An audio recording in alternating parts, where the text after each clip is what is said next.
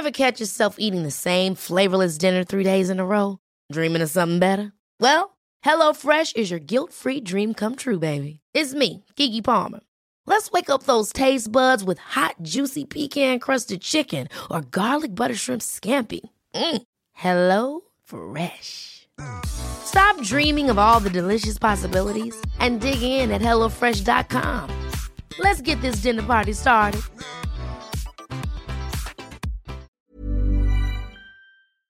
Hormoner är en naturlig och livsnödvändig del av kroppen. Ändå finns det en stor okunskap kring hormoner och vi märker att många inte känner till hur menscykeln eller olika preventivmetoder fungerar. Den här okunskapen kan skapa en rädsla för hormonbehandlingar eller hormonella preventivmetoder och också göra det svårt att veta om och när man ska söka vård för mensrelaterade besvär. Hormoner diskuteras ofta i media, men ibland saknas en vetenskaplig grund för informationen och osanningar och myter sprids och får fäste. Vi på Babys podcast tror att kunskap kring kroppen och dess funktioner bidrar till en stärkt självbild och ett ökat välmående hos kvinnor. Det är ju just därför vi gör den här podden. Kunskap är makt helt enkelt. Därför vill vi tipsa om en hemsida där du kan få den vetenskapligt grundade fakta du behöver och förtjänar. Hormonguiden.se är ett initiativ av Gedeon Richter och är en hemsida framtagen i syfte att öka kvinnors kunskap om hormoner. Som barnmorska och gynekolog gillar vi verkligen den tydliga informationen med bra bilder, strukturerad genomgång av menscykeln och preventivmedel. Gör dig själv en tjänst och skaffa dig mer kunskap om din kropp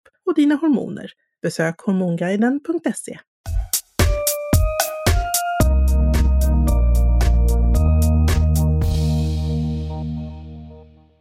Hyperemesis gravidarum, den allra svåraste extrema formen av graviditetsillamående. Den har vi pratat om några gånger tidigare i Babys podcast. Men det vi ska fokusera på idag är framförallt kvinnors upplevelse av hur det är att ha hyperemesis gravidarum, hur det påverkar ens liv och framförallt kanske hur man upplever att vården möter upp de behov man har och det stöd man behöver. Våran gäst idag har eh, gjort en intervjustudie. Det är en magisteruppsats som handlar just om det här och den har det otroligt eh, fyndiga och eh, liksom on point namnet Det är bara att äta lite kex. Så häng med in i avsnittet så ska ni få veta mer.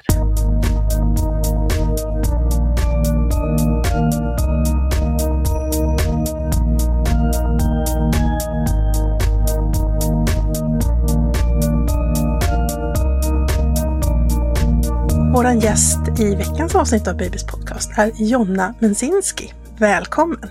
Tack! Du är ju sjuksköterska, mm. eller hur? Och ja, har skrivit en magisteruppsats i eh, medicinsk vetenskap. Ja, med inriktning på folkhälsa.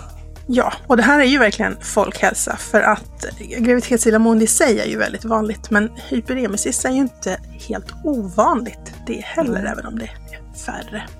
Precis. Hur kom det sig, ja vi ska säga först att det är Rebecka gynekolog som vanligt som pratar och sen så har vi min, min kära vän och kollega. Carina barnmorska. Ja. Hur, hur fick du den här idén Jonna? Jo, men när det var dags för mig att välja ämne så var jag lite inne på att skriva om kvinnlig könsstympning för att jag hade tidigare jobbat på BB som sjuksköterska och hade upptäckt där att när vi fick patienter som varit utsatta för könsstympning så fanns det inte så mycket kunskap om det. Och jag tittade på Socialstyrelsens eh, bas och där fanns det inte så mycket eh, fakta heller. Men jag insåg ganska snabbt att rekrytering eh, till det här ämnet skulle bli ganska svårt med tanke på att jag hade en termin på mig. Och det är inte så lång tid om man ska hinna rekrytera och samla in data mm. och sen processa det och sen ha en färdig uppsats i slutet av den terminen. Så att då, då funderar jag lite vidare på vilken grupp som jag både brinner för men som också kanske är lite lättare att rekrytera och intervjua. Och i och med att jag hade haft hyperemesis själv så var jag också Eh, medveten om vilka eh, brister som det, det finns i vården eller som man kan stöta på om man har den här diagnosen. Men sen så hade jag också varit med i en Facebookgrupp som heter Hyperemesis gravidarum Sverige. Eh, och eh, den, eh, eh eller är det Sverige Hyperemesis gravidarum? Det är något av dem. Det Men, går att söka på Facebook, man hittar den ändå. Ja, Vilken ordning man än lägger orden. Liksom. Det, det, finns inte så många grupper att välja mellan, så kan man ju säga. Nej.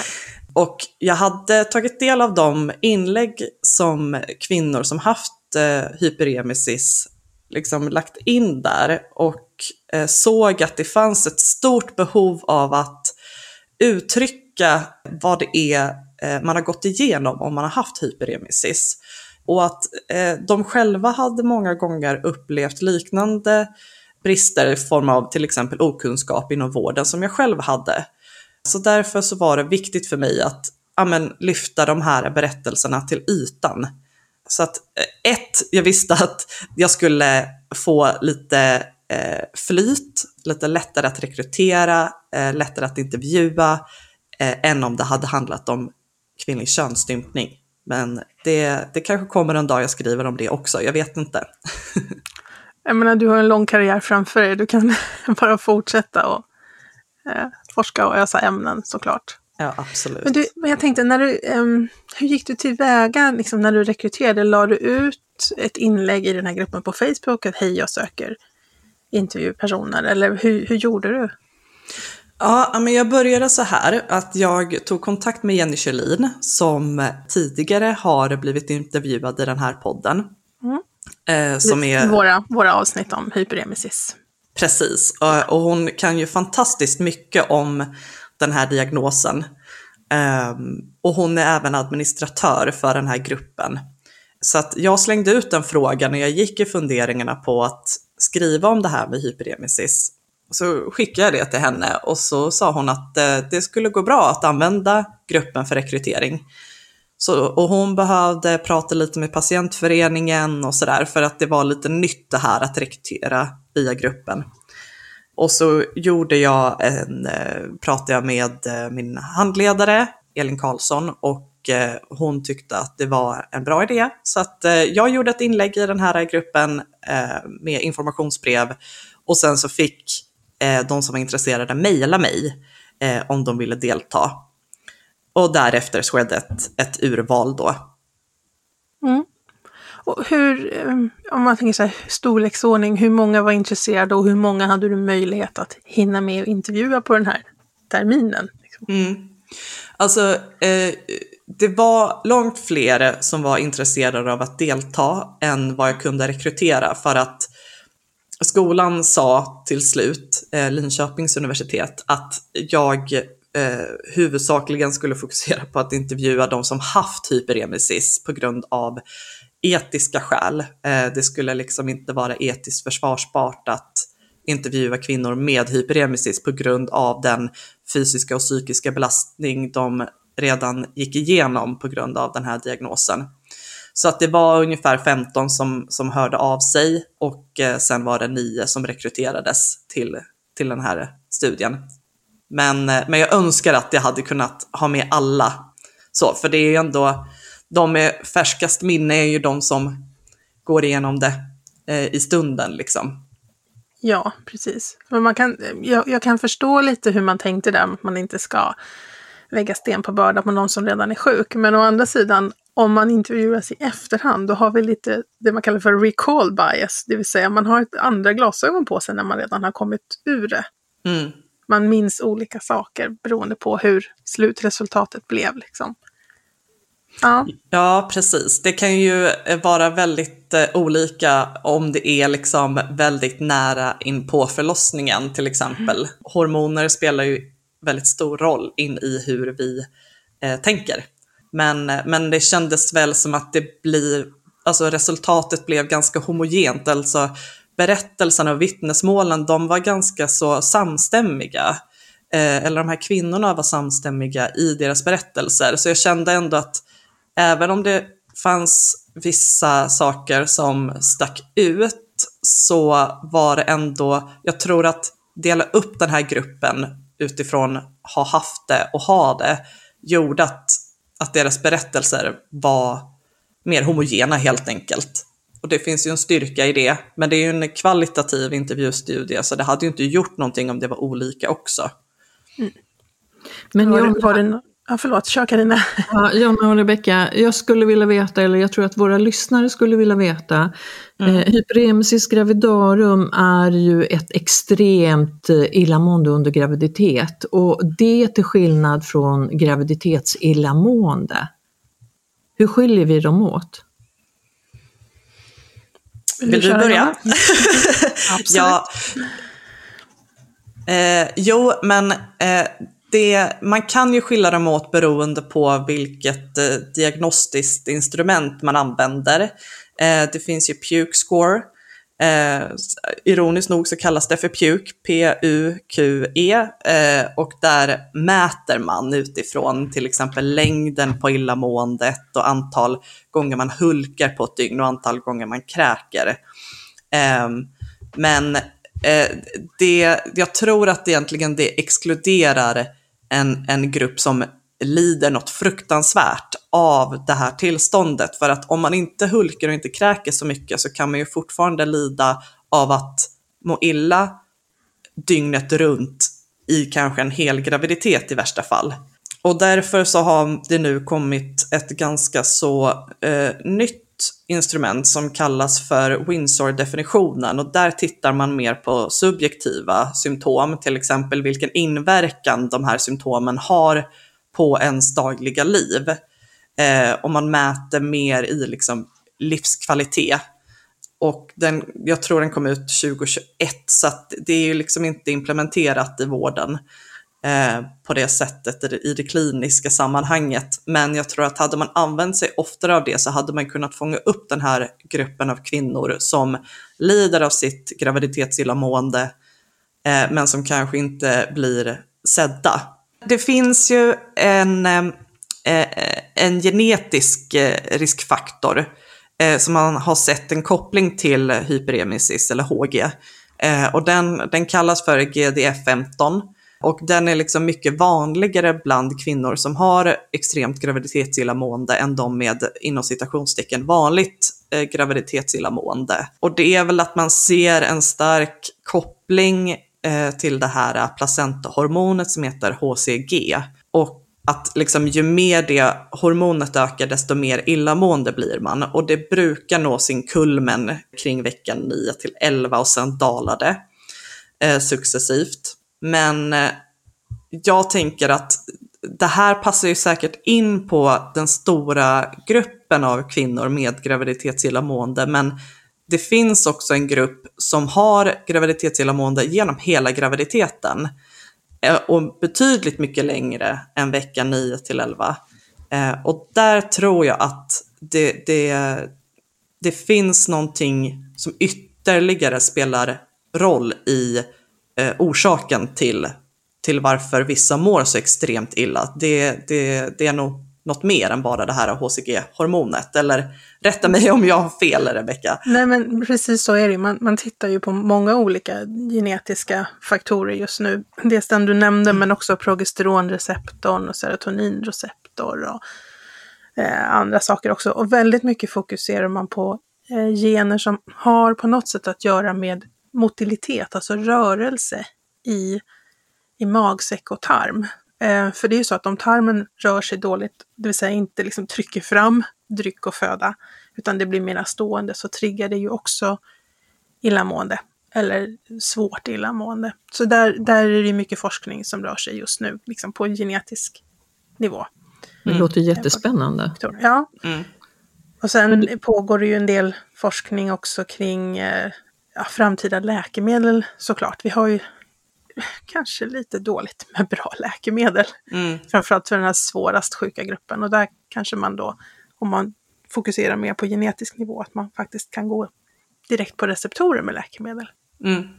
Men du, jag har en fråga där, för att nu vi pratade med Jenny Sjölin tidigare i våra avsnitt och de sändes ju i februari och mars 2020, så där kan ni gå tillbaka och lyssna. Men då pratade vi om att Eh, det ju finns ett stort, stort mörkertal här när vi pratar om vilka kvinnor som drabbas av HG. 0,3 till 3 procent pratade hon om då eh, har vi diagnostiserat. Det kanske är fler idag. Men det här innebär ju mörkertalet som sagt, vi har inte bra instrument, verktyg för att eh, ta tag och se att de här kvinnorna faktiskt har det extremt svårt. Alltså jag skulle nog vilja flika in att vi egentligen har, men att det underanvänds. Eh, mm. Ja, vi har Puke Score, som Jonna berättade om. Vi har Windsor-definitionen, den är sedan 2022, men har inte liksom kommit in i några riktlinjer riktigt. Och sen har vi något som heter HELP Score, Hyperemesis Level Prediction Score, som egentligen är bättre vid hyperemesis än Puke Score, för att den är mycket mer detaljerad. Men den här känner ju liksom inte, jag tycker inte vården känner till den och använder den. Så mm. det skulle behövas eh, lite tydligare guidelines och riktlinjer och framförallt nationella riktlinjer så att vi alla gör likadant oavsett vilken region man bor i. Mm. Och det här vet jag Jenny Kjellin strävade efter också, att, att skriva mm. sådana nationella riktlinjer. Jag vet inte hur långt hon har kommit idag med det, men jag hoppas en bit in. Eh, för att det blir ju jättejobbigt, som, som du säger Rebecka, att vi har bra eh, verktyg då, eh, men att vården inte vet om dem, kan inte hantera dem eller vad det nu handlar om. Så här ni som lyssnar och är inom vården, ta verkligen till er det här, för det här är en grupp som har det väldigt, väldigt jobbigt. Och du pratade om torra kex där i början Rebecka va? Det, det kanske är det vi har föreslagit förut och ingefära och så vidare, men det här är ju inte, då förstår man ju inte riktigt allvaret Eh, med, med, med hyperemesis. Mm. Jag föreläste om just hyperemesis häromdagen för eh, ett gäng kollegor och då sa jag det att vi har liksom suttit i alla tider och år och sagt att eh, ja men ingen fara, fostret tar av dig, fostret får det den behöver. Och det är inte riktigt sant när det gäller hyperemesis. Mm. Så vi måste liksom sluta sitta och liksom klappa fint på något vis och hitta mm. på saker utan ta det här på stort allvar. faktiskt. Mm. Mm. Men John, jag tänkte på det här med eh, de här intervjuerna. Hur, hur gick de till? För jag gissar att det var ganska spritt över landet. Så gjorde mm. du dem på distans eller på plats? Eller? Ja, men lite ungefär så som vi gör just nu, att vi sitter hemma på våra kammare och mm. eh, eh vår kanske lite mer eh, trygga miljö eh, och Eh, så intervjuade jag på distans via dator för att jag visste om att jag är själv småbarnsförälder eh, och eh, hyperemesis är ju ändå graviditetsrelaterat så man kan ju anta att de flesta som jag skulle rekrytera hade småbarn själva. Och det, det stämde ju faktiskt att alla hade ju barn eller småbarn och det, det underlättade för många att de kunde bli intervjuade i hemmet. Vissa var föräldralediga eller sjukskrivna fortfarande på grund av sin hyperemesis. Så att eh, det, det var distansintervjuer. Och pratade du med dem vid ett tillfälle var det, eller var det liksom flera tillfällen? Eh, det var ett eh, och, ett och sammanhängande samtal mm. som var mm. ungefär en timme. Men eh, det blev väldigt tydligt väldigt tidigt att eh, de här intervjuerna hade kunnat pågå långt eh, mycket längre än, än så för att det här var det var en väldigt tacksam grupp att intervjua för de här, de har ju liksom inte blivit lyssnare på tidigare av någon. Eh, vissa hade tur att de kanske hade en barnmorska med kunskap om HG eller en eh, mamma som hade haft det själv. Men, men eh, de, de absolut flesta hade ju liksom inte haft någon som förstod dem tidigare och det här tog jag upp som en styrka i, i min intervjustudie att i och med att jag själv upplevt det så jag förstod, de förstod att jag förstod mm. dem. Mm. Så att eh, det blev, det blev väldigt mycket material eh, att, eh, att processa, men, men jag är väldigt tacksam för det. Samtidigt så känner jag att jag, resultatet i min uppsats hade kunnat bli, liksom, och så tror jag att många känner med sina uppsatser, hade kunnat bli liksom hundratals sidor för det var så mycket som kom fram som jag känner så här, det här borde fler inom vården känna till. För att det, det är helt oacceptabelt vissa saker som görs och sägs eh, som saknar evidens eh, och som är rent ut sagt eh, kränkande eh, att säga till någon i en så desperat livssituation. Kan ni ge oss ett exempel? Var det någon, någon sån här liksom, kränkande kommentar som återkom? Förutom det här med kexen då förstås.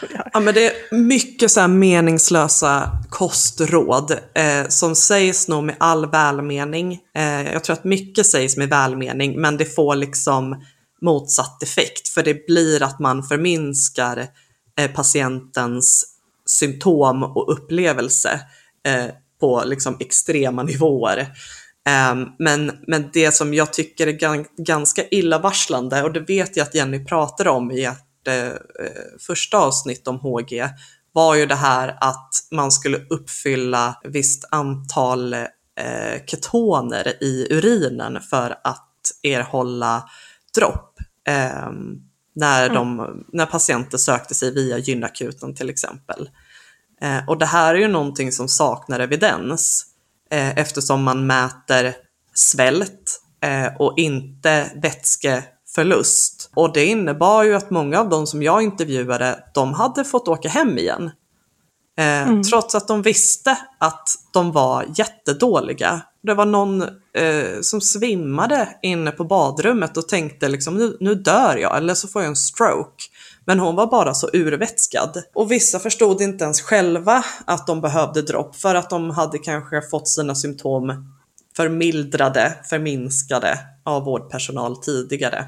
En annan är det här att många inom många farmaceuter, eh, apotekspersonal hindrade eller avrådde kvinnorna från att hämta ut antibiotika, alltså eh, symptomlindrande mot eh, illamående och kräkningar, eh, läkemedel. Och, och det var nytt för mig. Och det fick ju konsekvensen att vissa av de här kvinnorna inte kunde hämta ut sina läkemedel som de hade fått utskrivna av läkare och kanske sökte sig till ett annat apotek eller behövde argumentera sig till vård. Och så var det ganska genomgående genom intervjuerna. Att, och jag har ett citat som liksom ringar in Eh, hur det är att ha hyperemesis och kontakta med vården. Och hon sa så här att, den, för jag hade en fråga, vad var den största utmaningen eh, med att ha hyperemesis? Eh, och hon sa den största utmaningen var att få hjälp. Mm. Och, och, jag har, jag blev väldigt berörd av att hon, av just det citatet, för att jag tror att det är så många känner. Man blir mm. liksom inte lyssnad på. Ja, det, här, är fruktansvärt. Mm. Ja, och det här att det liksom tar stopp på apoteket, det, det mm. känner jag igen. Och då inte bara från, från HG utan även från andra sjukdomstillstånd under eh, graviditet. Eh, mm. Och det, det, är klart att det är så att eh, farmaceuter har en, liksom en kontrollfunktion. De ska ju liksom hålla koll på att vi doktorer inte skriver hur tokiga ordinationer som helst. Men när vi gör det så ska de ju kontakta oss och fråga. Mm har, är det här verkligen rätt? Har du skrivit rätt? Är det rätt dos? Är det till rätt person? Eh, inte bara stoppa patienten liksom i, i kassan där. Mm. Men får jag, får jag fråga er då, vi har pratat många gånger om, om att eh, både vårdpersonal och apotekare läser ur FASS, eh, mm. som ju har eh, ja, en information som inte alltid är uppdaterad och korrekt, eh, utan Eh, och jag vet att också eh, läkare Jenny Kjellin som vi pratar om här, hon rekommenderade att hellre gå in på Janus Info eh, och titta. Många av de här läkemedlen står det ju att bör inte ges till gravida och det är väl där det kanske tar stopp på apoteket. Men att man mm. kanske då borde se Janus Info också, kanske finns andra sätt som kan vara bättre, eller vad säger du som läkare Rebecka? Ja, alltså den, numera heter sidan janusmed.se och den ja, ligger ju öppen för okay. alla att läsa. Det är ju klart lite svår text kanske om man inte jobbar med, med sjukvård eller med läkemedel, men eh, där finns det ju det finns en flik för just för graviditet, där är läkemedel och fosterpåverkan och det finns också en flik för läkemedel och amning. Och där är det väldigt tydligt. Läkemedlen är liksom dels eh, graderade eh, liksom i olika klasser beroende på hur de påverkar graviditet och foster. Och sen står det också en utförlig text eh, som är baserad eh, på studier som är gjorda på läkemedel men också på data från vårt stora graviditetsregister i Sverige. Vi har ju eh, vi har ett sånt bra register där vi faktiskt skriver upp eh, olika saker som sker under graviditet och i mödravården och, och läkemedelsanvändning som vi sen kan använda för att följa upp och se hur det gick. Eh, så att det här är ju en mycket mer pålitlig källa och mycket mer up to date än vad FASS är. Mm. Och jag tror att det blir ju det blir ju bättre. Fler vet ju om att det är på Janus Med man ska titta i första hand. Men eh, det har kanske inte sjunkit in hos alla riktigt ännu. Så vi kan fortsätta Nej. tjata om det ett tag till. Och jag tror ju också tyvärr att om kunskapen om HG hade varit större så hade man kanske varit lite mer försiktig med att avråda kvinnor från att hämta ut det här läkemedlet. Mm. Eh, för att det är inte ovanligt att man genomför abort för att eh, man orkar helt enkelt inte. Man står inte ut med att må på det här sättet. Och det kan också vara att eh, man har barn sedan tidigare som man inte kan ta hand om för att man är, man är sängliggandes i ett mörkt tyst rum i ibland nio månader för att bara överhuvudtaget överleva. Många som använder ordet överleva. Eh, och mm. jag tror att mm. hade flera inom vården vetat om att det är så här man påverkas av hyperemesis så hade vi kanske varit lite mer generösa mot den här patientgruppen också. För ja, att antimetika kanske skulle få samma inom citationstecken status som kanske antidepressiva som också ges till gravida. Mm. Men det finns ju liksom eh, biverkningar och risker med alla läkemedel. Och nu har man ju sett att de flesta som skrivs ut, som Primperan till exempel, inte har sådär jättestora risker eh, innan vecka 12. Så att ja, det är bra att kolla på eh, före detta Janus Info, Janus Med sa du. Mm. Eh, och uppdatera sig. Det är verkligen en, en, en rekommendation till alla mm. inom vården. Något som jag tycker att man snålar med väldigt i Sverige är ju det här att ge näring, alltså ge näringsdropp, inte bara ge eh, liksom uppvätskning och att man ger eh, riktig nutrition. Eh, antingen då genom sond men, eller, eller genom eh, i blodet. Var det någonting som stack ut i din studie? Att man eh, inte hade fått det eller fått det för lite eller ja. Alltså just näring så vet jag inte. Det var ingen av mina deltagare som berättade att de hade just fått näring eller TPN. Mm. så, utan det var, det var bara vätska. Eh, och att det var ett väldigt högt pris som man fick betala för att erhålla eh, intravenös eh, vätska. Ehm, för att många fick köra väldigt långt, vänta väldigt länge och argumentera sig för att, eh, fram för att få det här. Eh, till exempel som tillbaka till det här med ketoner, att de säger ja men du har bara si och så många ketoner eller inga alls i vissa fall. Ja men då får inte du. Och det är så onödigt för det är liksom, det är rätt billigt och det är rätt enkelt att lösa och patienten är på plats. Alltså det är inte som att de här människorna inte skulle komma dit och, och slösa eh, vårdpersonalens tid och pengar. Alltså, det är en stor uppoffring för att kunna ta sig till sjukhus eller någonstans överhuvudtaget med den här diagnosen. Och hade man vetat om vilket högt pris man får betala så hade som sagt man kanske varit mer generös. Men jag tycker egentligen att eh, det här med dropp borde kunna ges i hemmet. Att man ska inte behöva åka till sjukhus, eh, akutmottagning eller gynakut för att kunna få det. Jag tycker att har man blivit diagnostiserad och man vet om att patienten inte kan behålla någon vätska eh, eller föda för den delen. Vissa kan ju behålla föda men inte vätska, konstigt nog.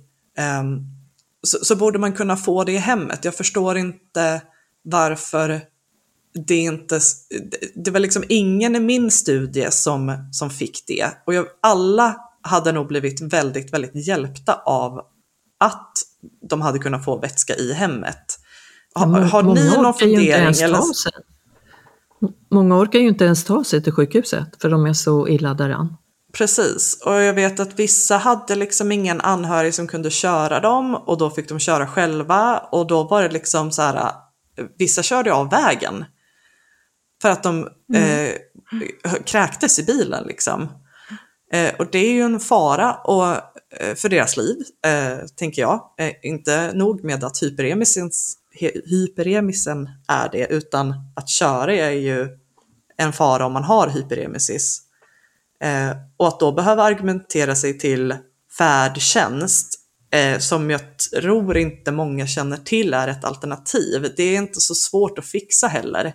Det, det blir liksom för vissa känns det inte ens lönt att, att ta sig till sjukhus för att de måste betala ett så högt pris. Samtidigt så får de inte det här så tror jag att det är många som hade blivit mycket, mycket sämre. Kanske avlidit tror jag. Alltså det här med att få um, antingen bara vätskedropp eller också näringsdropp i hemmet. Det, det finns ju, vi har ju egentligen ett system för att kunna, uh, för att kunna behandla till exempel HG på det sättet. Eh, på många ställen så har man ju ett upparbetat samarbete med eh, ASIO till exempel, och avancerad sjukvård i hemmet, där, där vi kan skicka, där vi från specialmödravård då, eller från vanlig mödravård kan skicka en remiss.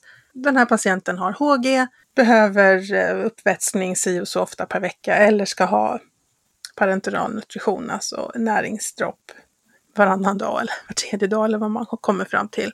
Eh, och sen eh, så, så, så åker ASIH ut till den här personen och kopplar det här droppet och kopplar bort det. Och jag tänker att särskilt i liksom glesbygdsregioner så måste det här vara det är ju inte ovanligt liksom när det gäller andra diagnoser. Det här finns ju ett uppbyggt system, så varför inte bara ha någon slags snygg gräddfil? Att, ja, har du, nej, men har du upp, uppfyller du kriterierna för, för HG enligt Windsor-definitionen till exempel, eh, så kopplar vi in ASIH. Mm. Lite, men jag tror att om man tittar lite grann, jag tycker det är roligt att snoka och läsa PM och riktlinjer i olika regioner. För det första så spretar det ju från region till region. En del PM så rekommenderar man fortfarande läkemedel som är avregistrerade numera. Men att man liksom... Det, det är från att liksom man, man har riktlinjer ungefär fram till att man kommer in på akuten och ska få dropp, glukosdropp, alltså sockerdropp. Sen står det liksom inte så mycket mer i en del regioner och deras PM. Mm. Så att den här svårast sjuka gruppen där man liksom sen kanske måste inneliggande vård eller kortison eller eh, nutrition i hemmet. Så det, den sidan i riktlinjerna saknas. Och det tror jag att man skulle behöva lite mer riktning uppifrån. Att Så här ska vi alla göra. Mm. Får jag, får jag flika in där som intensivvårdsutbildad? Är det okej? Absolut. Absolut. Då tänker jag så här att när man, man har kräkts och inte fått i sig någonting, då är ju elektrolyterna extremt eh, också kä- känsliga och viktiga i det här. Alltså när kroppens salter inte hänger med, då kan du må dåligt och, och få en massa följdsjukdomar och illamående av det. Så vi behöver ju inte bara, vi är inne på den här att vi ska ha helheten, vi behöver ju inte bara ett sockerdropp, utan vi behöver salter, alltså natrium och kalium och kanske kalcium. För om vi får för låga sådana nivåer, alltså det blir ju kaos i hela oss. Att det, eh, du pratade Jonna om det här ketoner som, som man eh, då tar, men vi behöver ju ta blodprov och se hur, hur, hur ligger jag till i min elektrolyt, som vi kallar det, balans i kroppen också. Så här måste ju vara en samverkan då mellan att du gå- går till barnmorskemottagningen, till specialistmödravården och till dietist så att man ser liksom att här måste vi jobba på alla plan, kanske en, en, en kurator psykologkontakt, för det här är ju extremt eh, Ja, det är ju illa med det illamåendet, för det här kan ju i sig också leda till depression och utmattning. Enorm, enorm slitage på relation, alltså komplikationer efter förlossningar. Ja, Det finns inte liksom stopp på mycket det kan bidra till i förlängningen. Så, så mycket, mycket viktigt att ni där ute verkligen, när du har lyssnat på det här och fått uh, lite för lite hjälp, så, så hjälp vården att hjälpa. Det är så viktigt. Det som, det som tyvärr är ett jätteproblem just när det gäller det här med att i blodprov kolla salter då, eller elektrolyter, det är att på många ställen så har man som kriterie för att ens ta de här proverna så ska man ha ketoner i urin. Har man inte det så tar man inte ens blodproven. Och det här är så bakvänt för att mm. ketoner, om man har ketoner i urinen då betyder det att man bryter ner sin egen fettväv. Det kallas för lipolys. Det är bara det ketoner visar. Ketoner kan inte visa vätskebrist och det kan inte visa om du har en rubbning av natrium och kalium och så vidare. Så att det är liksom, det är som att säga, ja, om du inte har två vänsterhänder så kan vi tyvärr inte sy några handskar åt dig. Liksom. Ja, det, det har inte med varandra att göra. Och det, det intressanta är att det finns en jättestor systematisk genomgång av massor med vetenskapliga artiklar kring det här med ketoner och ja, som mått på svårighetsgraden på hyperemesis. Och den publicerades redan 2014 och visade att det fanns inget som helst evidens för att använda mm. ketonuri. Och ändå så gör vi det i vården. Mm. Mm. Fortfarande. 11 år senare, eller jag på säga, men nio år senare. Det är så märkligt tycker jag. Det är väl ett, eh, man tänker kanske att det är ett enkelt medel för att kissa kan ju de flesta. Eh, även om man inte har druckit eh, eller fått i sig någon vätska så kan man oftast få ut lite, lite grann. Man producerar ju ändå urin hela tiden, även om det är en liten mängd. Och så tänker jag att ja, men det är ett lättillgängligt medel att mäta någonting på. Det är bara det att man mäter fel grej. Ja, man mäter helt fel sak. Det egentligen vore det smartare att mäta färgen på urinen. Ja. Och ha det som ett mått. Behöver du vätska eller inte? Och om man då har kissat ut fyra droppar som är, liksom är mörkgula eller åt det bruna hållet, men det är no-brainer liksom. Då är det för lite vätska i systemet.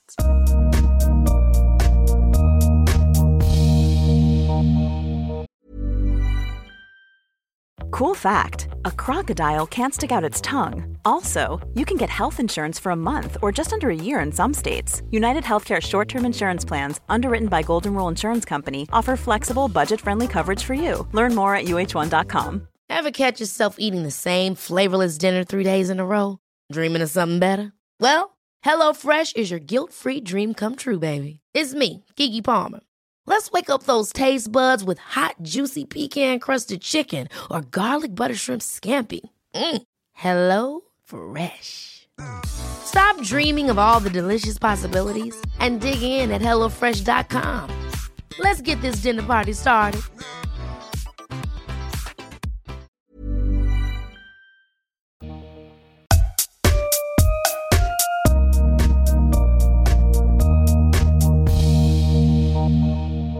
Hör ni att jag blir lite upprörd? ja, med all rätt faktiskt. Ja, jag har ju haft hyperemesis tre gånger. Um, mm -hmm. Det är ju ett under, varför gör man om det höll jag på att säga. Um, ja. Man borde veta att det ska komma tillbaka. Men, men jag känner ju så väl i, igen det här liksom. Man kommer in, kissar tre doppar som är mörkbrunt. Eh, nej men tyvärr, du har inga ketoner. Mm, jaha, ja, men då åker jag väl hem och lägger mig och dör. Liksom. Mm, precis. precis. Det är ju så det är för jättemånga. Mm. Eh, för mig var det inte så. Eh, men jag hade hyperemesis ändå, även om jag kunde behålla en del. Jag kunde behålla min vätska i de absolut flesta fall och, och födointag också. Men jag led något fruktansvärt. Eh, och jag tänker att där skon klämmer med det här med graviditetsillamåendet och hur vården bemöter den är ju vad är friskt och vad är sjukt? Eh, och att det finns så mycket gråzoner som jag tror kan göra vårdpersonal osäker på ska det här behandlas eller inte. Ehm, och där är det så himla viktigt att oavsett diagnos på papper så måste man se patienten framför sig. Även om den inte har en hyperemesis diagnos så måste man ändå se, okej, okay, men det här illamåendet det påverkar dig så till den grad att din vardag inte funkar. Eh, då, då tycker jag att man ska behandla det oavsett. Eh, inte titta på sina papper att säga, ja men jag kan inte sjukskriva dig för att du är lite illamående som väldigt många eh, säger eh, inom vården. Utan se liksom så här, okej, okay, men vad är det du inte kan göra på grund av ditt illamående? Eller hur mår du på grund av ditt illamående? Eh, och kräkningar.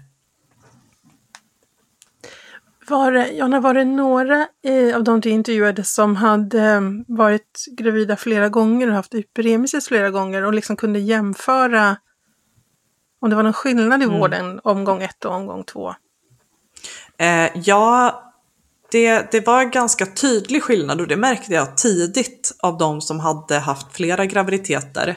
Att första omgången så var symptomen ofta mildare men okunskapen stor, både från deras eget håll eh, men också vårdens, för de hade ju liksom inga tidigare journaler att förlita sig på. Utan det är som att första graviditeten, eller de tidigare graviditeterna, blir på något sätt kunskapsbasen som till exempel MVC förlitar sig på i, i nästkommande graviditet då symptomen oftast är mycket värre. Så att det är, det är lite så här, första omgången mildare men stor okunskap och eh, mindre vård i dess omfattning medan eh, kommande graviditeter kan vara att man har lättare att tillgodogöra sig vård men man mår oftast mycket sämre, tyvärr.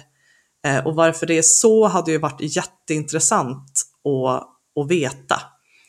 Eh, mm. Jag tror ju att illamående, det är, det är nog mer än bara det fysiska. Jag tror att det är mycket psykiskt också. För att när jag eh, satt och intervjuade eh, de här kvinnorna, då kom mitt illamående tillbaka. Och jag var helt övertygad om att jag var gravid. Och jag testar mig nästan dagligen. Eh, för jag var så säker. Så jag tänkte, ja, men jag är gravid, jag har preventivmedel och, och sådär, men, men jag är gravid. Och till slut började jag kräkas. Det var, så, det var så starkt. Jag fick liksom nästan återuppleva min graviditet genom att höra deras mm. berättelser. Så att, och jag menar inte psykiskt som i att, att man är eh, galen eller knäpp, för det, det har tänker jag att kvinnor har fått höra tillräckligt av eh, inom vården, att deras symptom eh, eller sjukdom är bara huvudet. Men jag tror att illamående i sig kan triggas av stress på ett annat sätt om man då ovanpå har den här diagnosen. Eh, att det går lite hand i hand, eller vad tänker ni? Jag tänker också det här att eh, att det är, liksom, det är på något sätt en annan miljö när man redan har ett barn.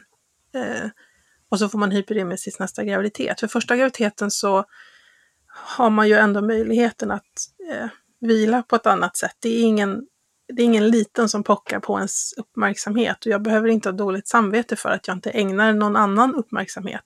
Mm. Men om man är gravid och svårt illamående och kanske har ett eller två barn som eh, står utanför sovrumsdörren liksom och knackar och säger Mamma, mamma är du sjuk? Alltså mm. det, hjärtat brister ju liksom då. För jag, jag vill ju ta hand om, om mina barn men det går inte. Jag kräks bara jag känner lukten av dem. Liksom. Mm, precis. Jag vill absolut inte byta några blöjor. Eh, och det, det spär ju på därför att då är det, det är illamåendet i sig men sen är det också det här otroligt dåliga samvetet som ju eh, som förstärker alla symptom. Tänker jag. Mm. Nu var det ju ni som skulle intervjua mig, men är det okej okay om jag frågar dig Rebecka om, om vilka strategier du hade i eh, liksom nästkommande graviditeter? För du sa att du hade tre barn. Mm. mm något som underlättade eller liksom strategier som kan hjälpa andra? Jag måste tänka vad jag hade för strategier. Mm. Ja, eh, ja, men dels så hade väl jag lite eh, försprång i det här med att jag faktiskt kunde eh, läkemedel och kunde skriva ut recept till mig själv. Eh, det har ju inte mm. andra. Så att när, när jag fick höra att ja, nej, men det är den här medicinen som gäller och om den inte funkar så ta flack. Och jag visste att det här stämmer inte. Så att jag kunde ju då faktiskt skriva ut läkemedel till mig själv som funkade bättre. Eh, sen hade jag ju liksom bra hjälp och uppbackning eh, hemma. Min man bara, ja nej men jag, jag, tar, jag tar barnen, jag tar hela lasset, jag gör allt. Eh, jag hade önskekost hemma. Eh, det som jag, de två maträtter som jag visste, det här kommer att stanna nere. De fick jag serverat. Eh, jag behövde liksom inte laga mat, jag behövde inte sköta något. Ingenting liksom med lukter, jag bytte inga blöjor och så vidare. Sen hade jag um, en mamma som är barnmorska. Hon ingen egen mm. erfarenhet av, av hyperemesis, det hade hon inte, men, men hade ju träffat många patienter. Eh, vilket också var liksom, jag hade någon att prata med. Eh, jag hade ju liksom inga i min omgivning som var gravida samtidigt. Jag var liksom bland de första i släkt och vänkrets som fick barn. Så mm. där hade jag ingen att prata med. Eh, men jag kunde prata med min barnmorskemamma om det här. Mm. Så lite stöd och debriefing och lite kontakt den vägen. Vad hade jag för andra strategier? Du vet, barnen är rätt stora nu, man glömmer, man förtränger, skulle mm. jag säga, illamåendet. Men... Eh, hmm. Har du märkt på dem att de har påverkats? Åh, oh, så himla svår fråga. Um,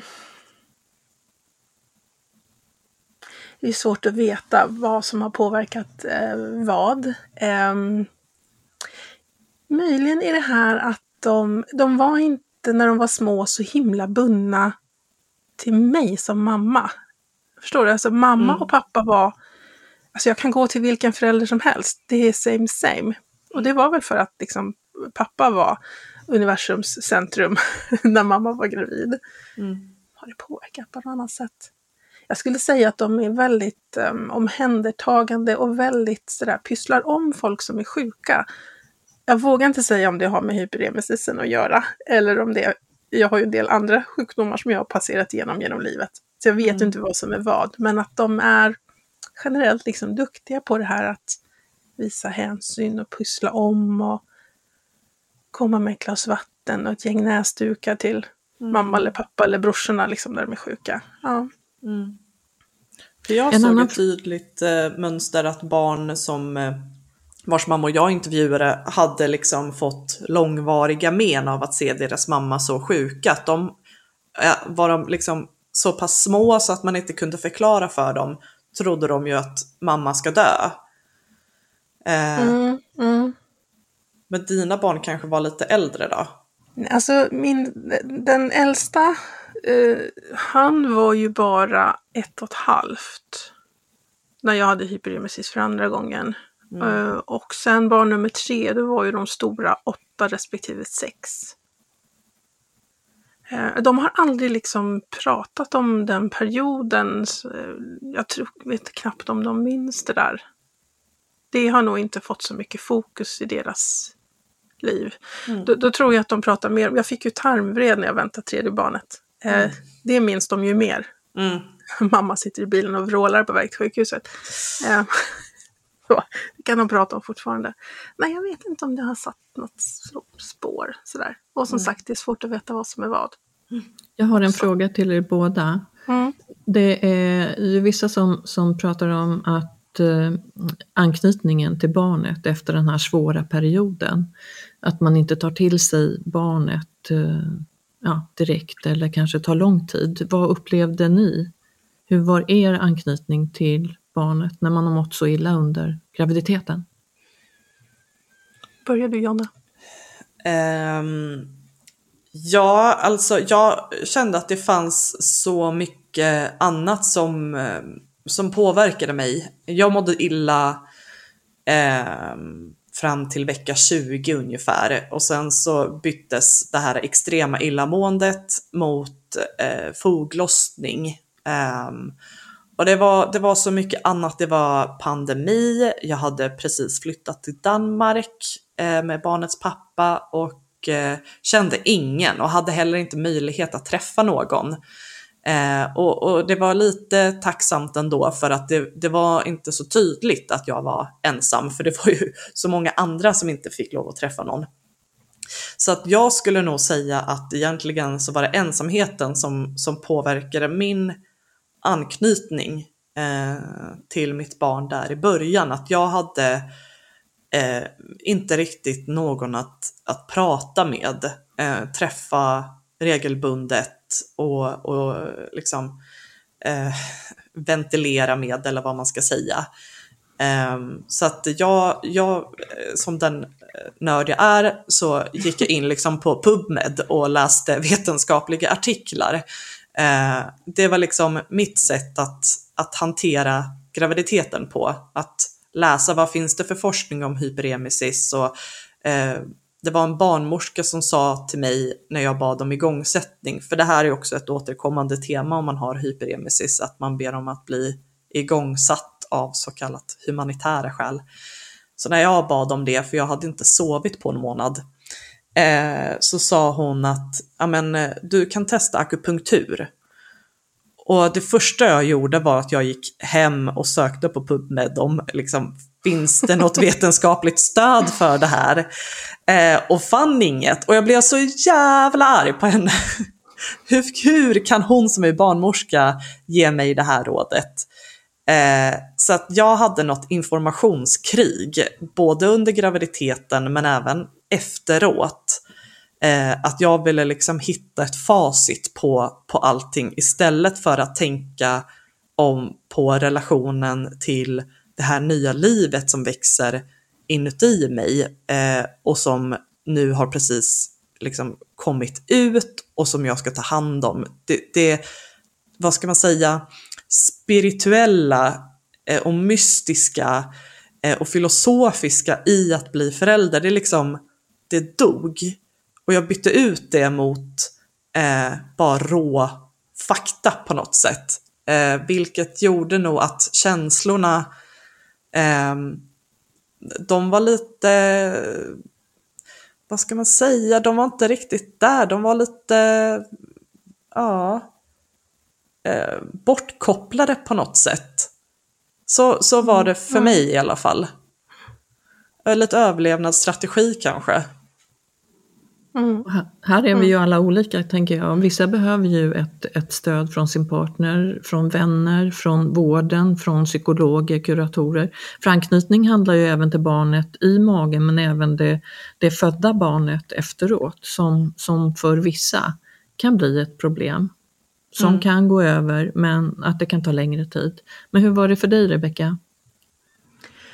Ja, jag hade ju inte hyperemesis hela min graviditet, vilket jag tror gjorde att det också blev lättare sen med anknytningen efteråt. För att ja, någonstans vecka 16 till 18, lite olika på olika graviditeter, så, så lättade det faktiskt och jag började må, må bra och mådde riktigt bra ett tag, ända tills jag fick havandeskapsförgiftning i slutet. Mm. Men det är ju en annan femma. Det fick jag också. Eh, Ja men det, usch Jonna, det är vilka eländiga historier vi berättar.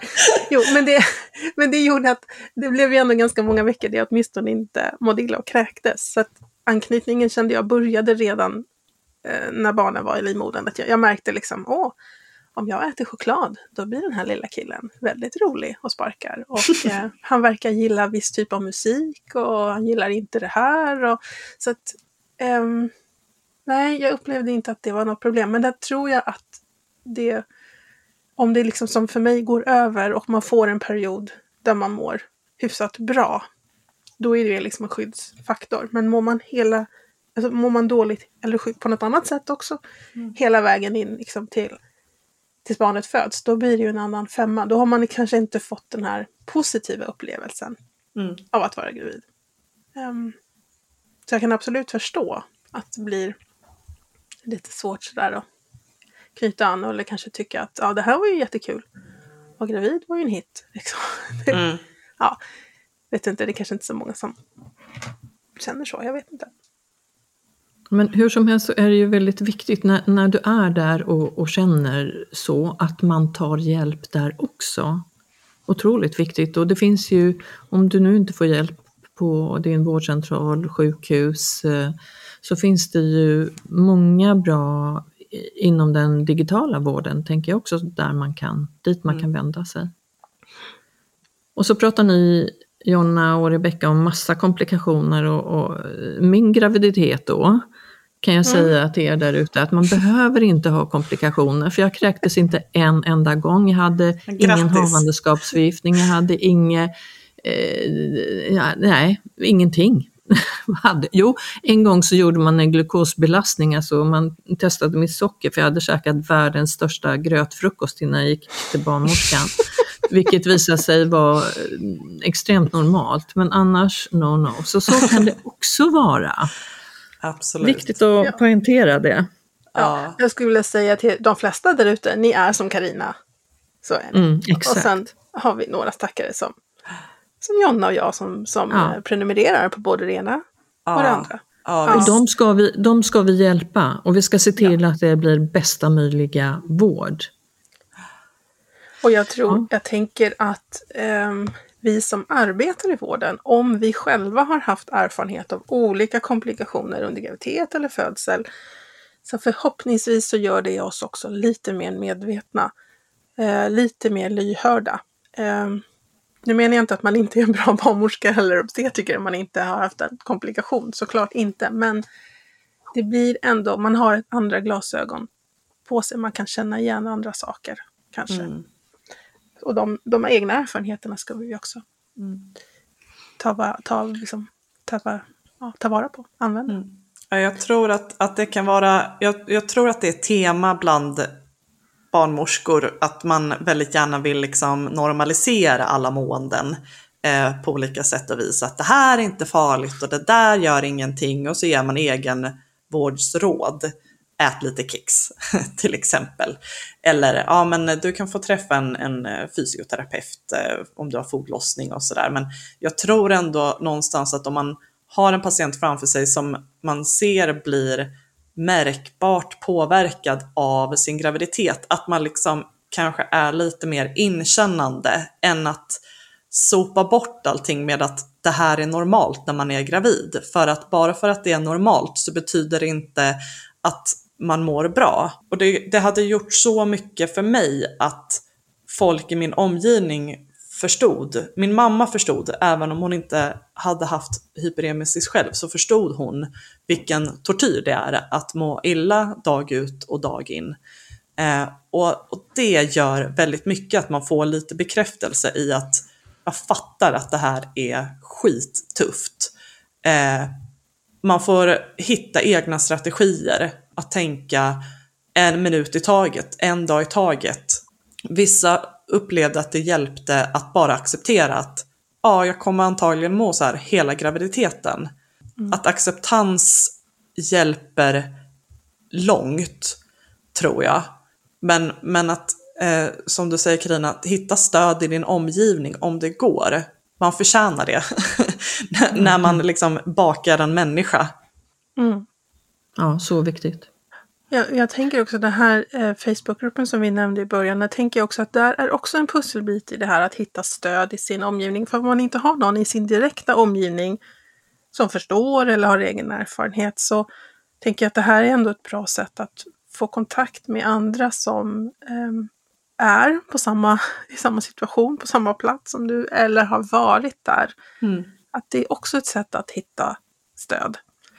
Eh, och få Det är en fantastisk grupp. Ja, det Mm. finns jättemycket tips och råd i den gruppen. Det är en, eh, och, det är jag inte ensam om att tycka att den här gruppen tror jag är ganska unik. För det är aldrig någon eh, skuld eh, och skam eh, präglat på något sätt. Utan det är alltid väldigt mycket stöd, det är väldigt fina kommentarer.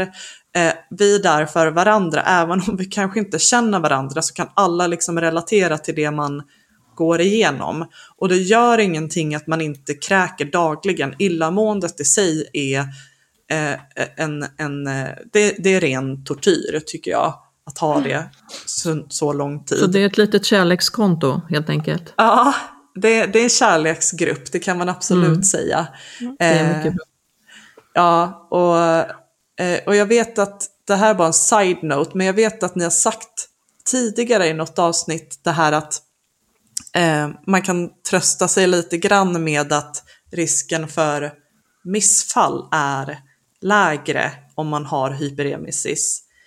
Ehm, och, och det har jag gått och tänkt på, för jag fick missfall när jag var gravid efter mitt första barn och upplevde precis som eh, många andra att eh, symptomen blev mycket värre.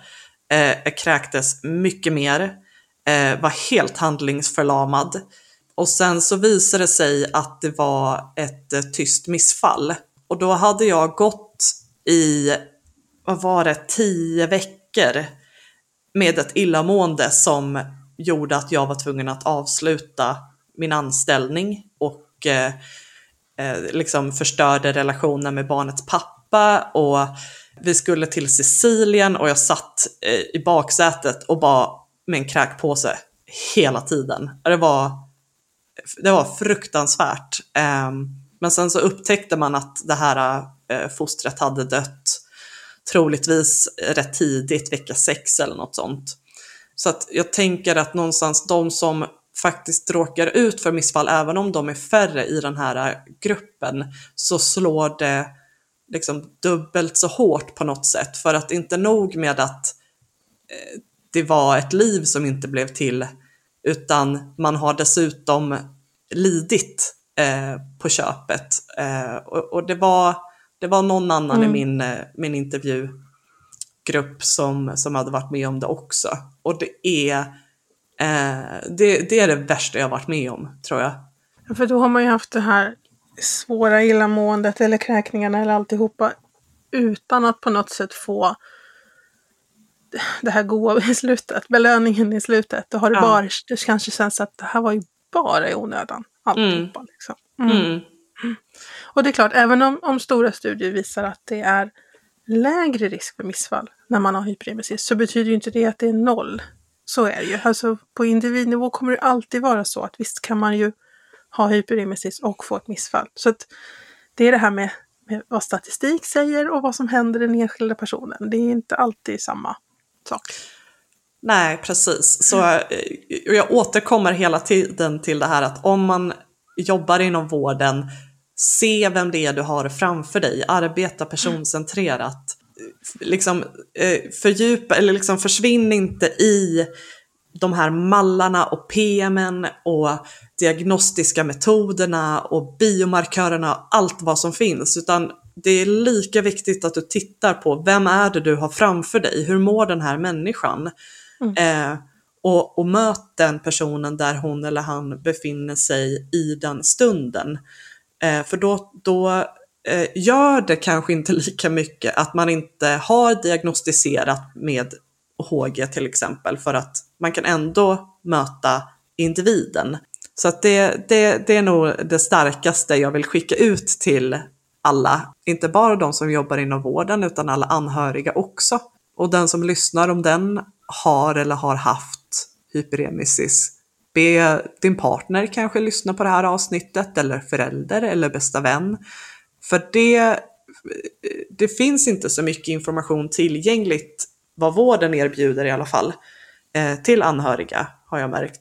Det finns liksom inte informationsbroschyrer mm. eller de ringer inga samtal eh, i samma utsträckning som om det hade varit Eh, låt oss säga att man ska börja på en eh, cytostatikabehandling och kommer behöva uppleva samma illamående som någon med hyperemesis gör. Där finns det informationsbroschyrer om vilka symptom den behandlingen ger, men det finns det liksom inte om man lider av den här eh, diagnosen som också har komplikationer. Eh, så det mer information åt folket.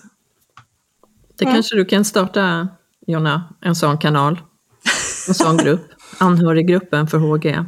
Ja, jag har haft mycket tankar kring det här, eh, kring vad som behöver bli bättre. Och jag har gått lite i tankarna på att man kanske skulle skriva en barnbok för att barn skulle förstå att illamåendet inte är farligt. Mamma ligger i sängen dag ut och dag in.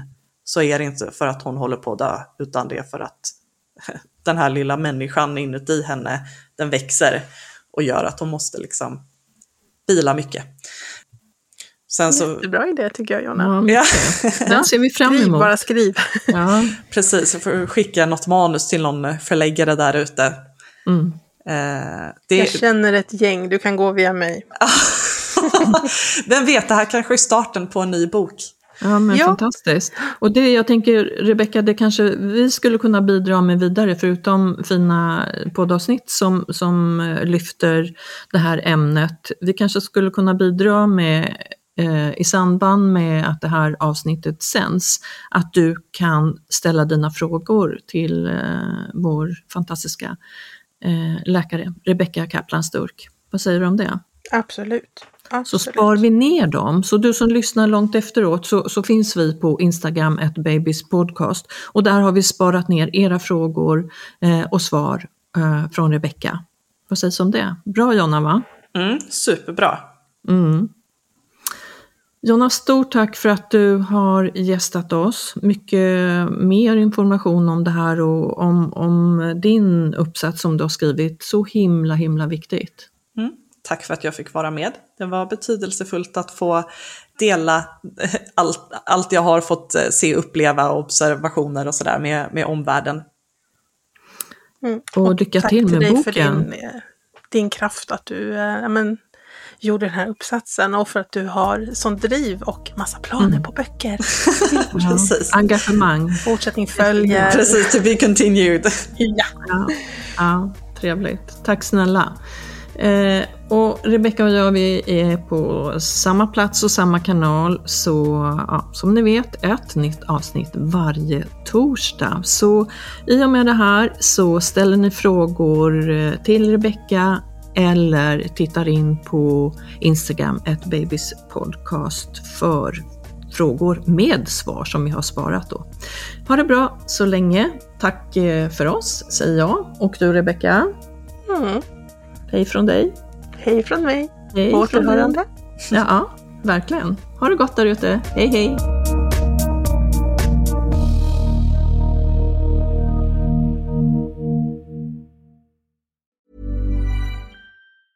Ever catch yourself eating the same flavorless dinner three days in a row?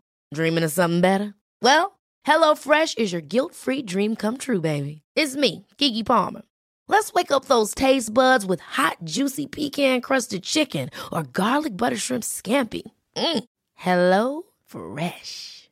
Stop dreaming of all the delicious possibilities and dig in at HelloFresh.com. Let's get this dinner party started. Hi, I'm Daniel, founder of Pretty Litter. Cats and cat owners deserve better than any old fashioned litter. That's why I teamed up with scientists and veterinarians to create Pretty Litter. Its innovative crystal formula has superior odor control and weighs up to 80% less than clay litter. Pretty Litter even monitors health by changing colors to help detect early signs of potential illness. It's the world's smartest kitty litter. Go to prettylitter.com and use code ACAST for 20% off your first order and a free cat toy. Terms and conditions apply. See site for details.